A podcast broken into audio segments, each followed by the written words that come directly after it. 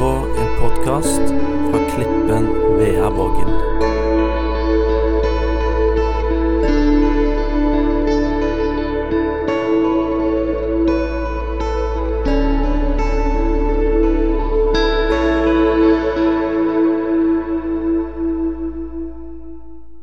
Å forkynne Guds ord. Og det som er temaet mitt i dag, det er rett og slett 'Velkommen hjem'. Vi har bak oss en tid hvor det ikke bare når vi starter på høsten, og så ønsker vi velkommen tilbake i en sommerferie. For det gjør vi jo når vi starter opp igjen. Vi ønsker velkommen. Jeg håper du har hatt det greit i sommer, og velkommen til menigheten. Men for mange så har det vært kanskje en periode på ett, nesten halvannet år hvor man nesten ikke har vært i Guds hus. Og det tar på.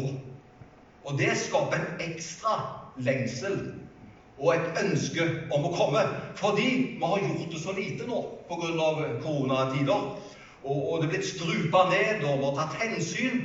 Og så kan man da ut ifra den historien også virkelig ønske hverandre velkommen hjem. Og jeg håper det skal bli en tid nå i høst hvor vi virkelig skal få møtes, virkelig oppleve menighetsfellesskapet, for det trenger vi.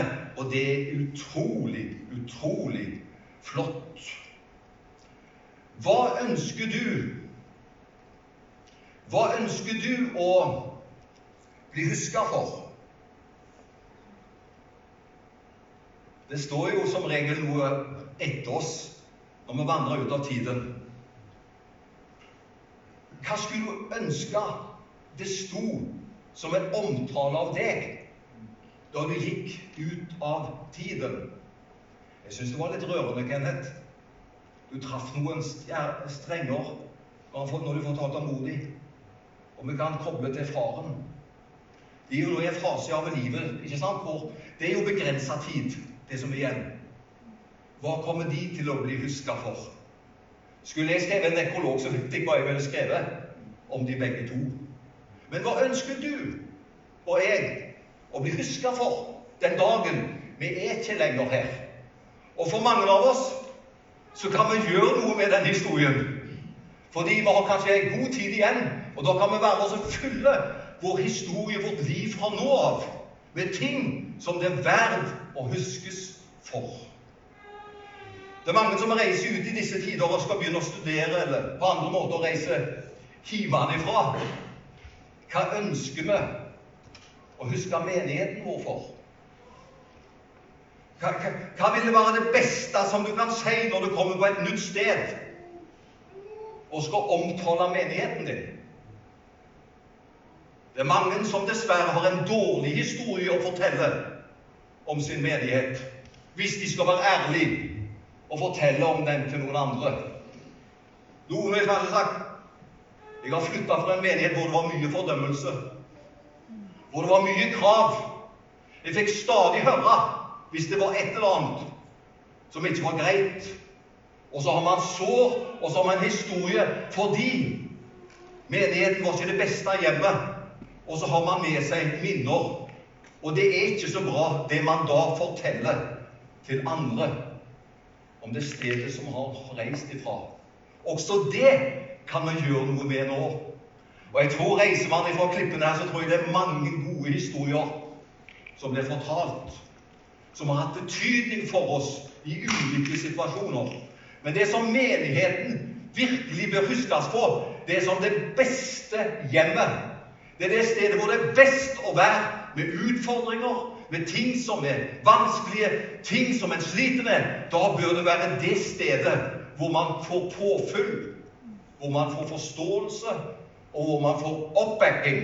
Og jeg skulle iallfall ønske at det skulle være et bilde mange, mange steder.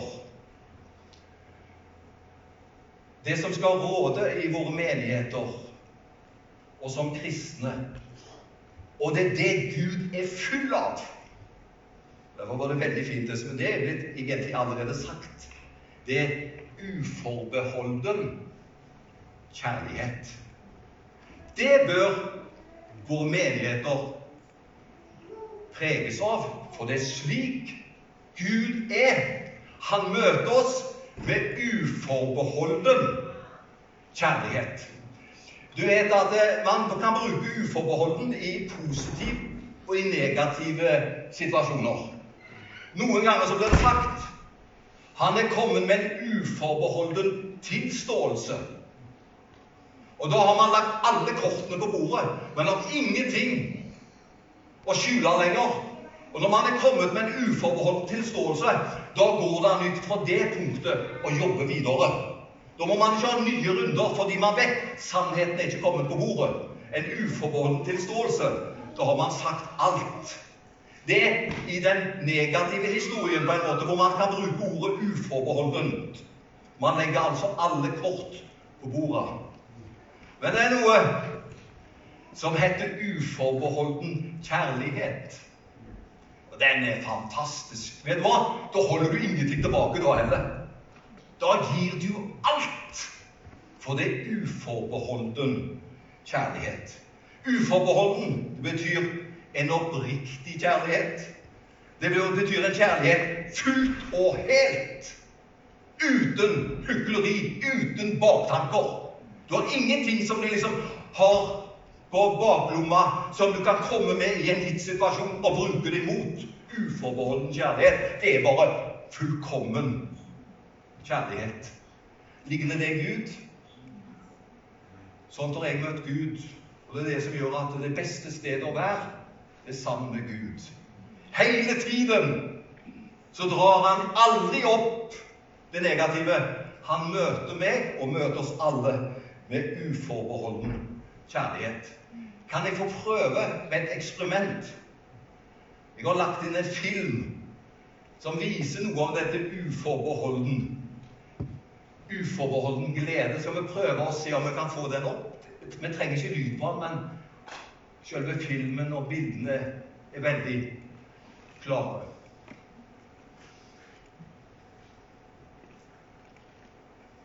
Det har med en hund å gjøre.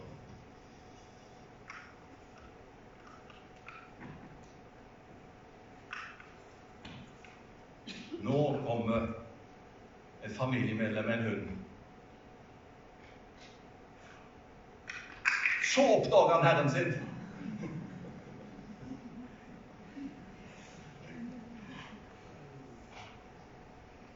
Jeg elsker hunder.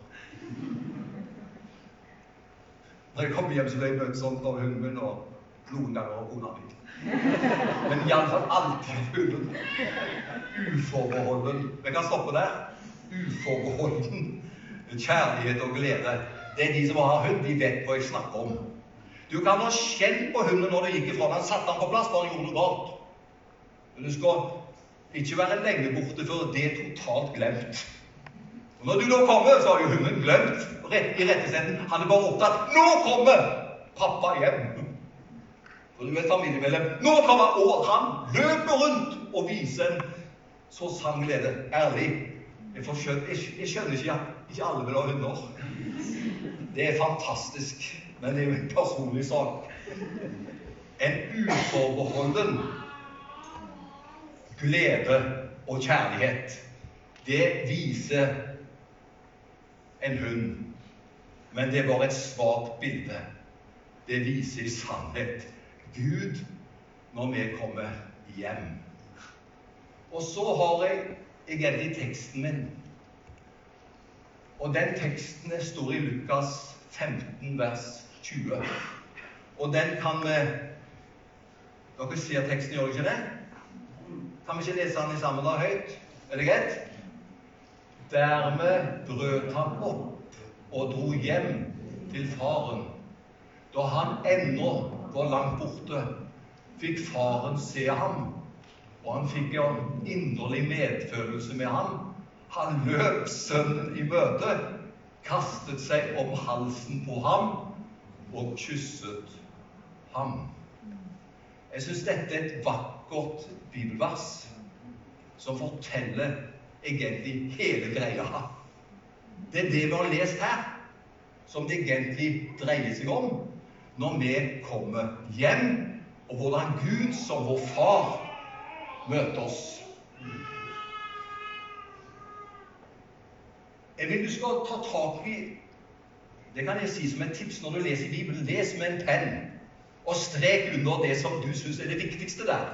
Det er en ting som jeg har glemt å streke under. Men jeg kan si det nå. Hadde jeg fått en anledning til, så hadde jeg streket under det. Det står 'langt borte'. Ser du det? Det vil jeg streke under. Langt borte. Jeg er så glad for at vi har en Gud som ser oss mens vi er langt borte.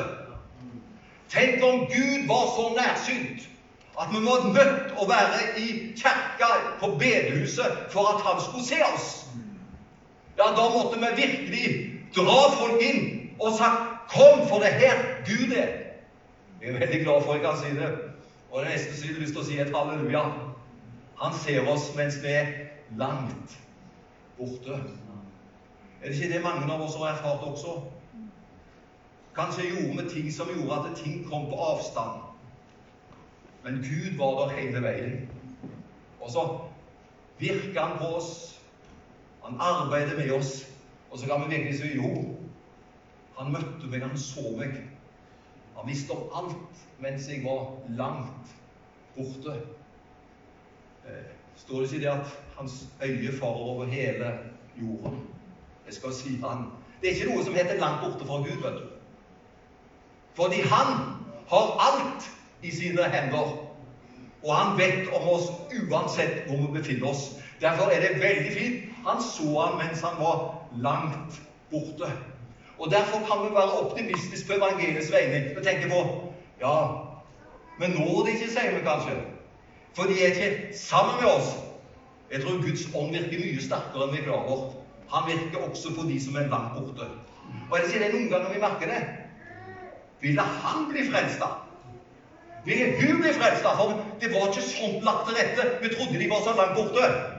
Gud er til stede overalt. Og han når oss når vi er langt borte. Det er fantastisk. Og det andre som vi har strekt under der, det er ordet medfølelse. Han ikke bare ser oss når vi er langt borte. Det er fint at han gjør. Men enda bedre, syns jeg, eller nei, jeg vil si like godt som han ser oss langt borte, så har han medfølelse med oss. Det er ingen som har slik medfølelse med oss som det Gud har. For vi kan være litt harde mot hverandre innimellom. Og det er som kloke mennesker sier når noen oppfører seg litt annerledes enn vi ønsker. Da er det noen kloke mennesker som sier det. Ja, men vet du deres historie? Vet du hvilken sko de går i? Hvordan kan du være så kategorisk og harde? Har du levd deres liv og vet deres situasjon? Og du skjønner, Vårt blikk det er veldig begrensa. Og vi kan fort komme til konklusjoner som når vi får et større bilde, så må vi virkelig justere det. Jeg er veldig glad for at min far og din far en Gud som har medfølelse. Kan vi ikke også si takk og lov for det? Tenk du, han har medfølelse. Ikke bare med, for Man trenger jo ikke medfølelse med de som greier seg og har det bra, for de går greit. Men han har medfølelse med de som greier seg og har det godt, men han har medfølelse med alle sammen. Og det er en medfølelse som alle sammen trenger. Og så er det det siste, og egentlig så kunne jeg spilt en film fra dette kapittelet som jeg taler om i dag. Det er en film som Irene Langåker har faktisk tatt på det verset. Og det som hun understreker i det verset Det hadde allerede jeg forberedt meg for den filmen hørte jeg først i formiddag.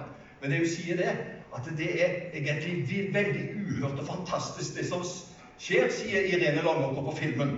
For det står at faren, han løp sønnen sin i møte. Og det sa hun det, det passer seg egentlig ikke, det. Det er nesten usømmelig uverdig at en gammel, staselig mann med lang kjortel Han skal jo representere verdighet, han. Han skal gå sånn, han. Ikke sant? Men du skjønner Når nøden er der, og kjærligheten er der når hjertet brenner, da legger man verdigheten til side. Da er det menneskets behov og nød som roper oss, og som gjør at man løper. Og nå skal du høre noe. Vet du hva jeg er glad for? Jeg tror på en Gud som løper. Og jeg tror på en Gud som løper mye raskere enn det vi løper. Det står at han løp sønnen sin i møte. Det var egentlig upassende. Det var ikke en god kristen vandel å løpe. Men du skjønner, man gir katten i det. Når det er store behov til stede, da er det mennesker vi ønsker å hjelpe og møte. Derfor er jeg veldig glad for min far er så original og passer ikke inn i kikk og bruk alltid. Derfor står det her han løp han i møte. Og så står det da vet du, at da begynte festen. Vet du hva jeg er glad for? Det står ikke noen sted at festen slutta. Men det står da begynte han. Kanskje ønsker hverandre velkommen hjem. Og ønsker vi velkommen til en menighet som mer og mer skal ligne på Gud. Og da er det godt og lett å komme hjem. Og der skal gleden være, der skal medfølelsen være, der skal alt det som mennesker i dag trenger, det skal være til stede. Og Derfor ønsker vi å si på denne dagen for det nye virkeåret Vi ønsker å rope ut 'velkommen hjem'. Det er her, i Guds hus, i Guds familie, vi hører hjemme. Og da kan du og jeg være med og gjøre det slik at det hjemmet det blir bedre og bedre. Og er det ikke noe der at hvis det er veldig kjærlighet Det blir jo produksjon ut av det òg, det. Ikke sant? Skjønner du hva jeg mener? Det blir unger av det. Men er det ikke kjærlighet, så blir det ikke barn heller. Og Derfor tror vi det skal være så mye kjærlighet. Du skjønner bildet. Det skal være så mye kjærlighet. At folk skal komme og vokse opp og oppleve her vil jeg være. Og Gud velsigne oss alle sammen.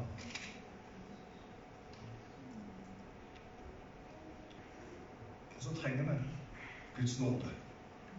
Herre, takk at du er med oss. Herre, hjelp oss at vi legger ned det som er hindringer. At vi legger ned, Herre, det som er anstøt for folk til å søke deg og være sammen med deg. Men at vi kan være slike som virkelig inviterer mennesker inn til deg. For vi har møtt din nåde. Vi har møtt all godhet. Og derfor kan vi anbefale deg til hvem som helst. Takk for din godhet. Takk for din nåde. Og så skal du være med oss resten av denne dagen, resten av, av, av, av etter sommeren og høsten som går i møte. Takk at eh, du har beredt et hjem for oss. Og vi takker deg for menigheten i Jesu navn. Amen.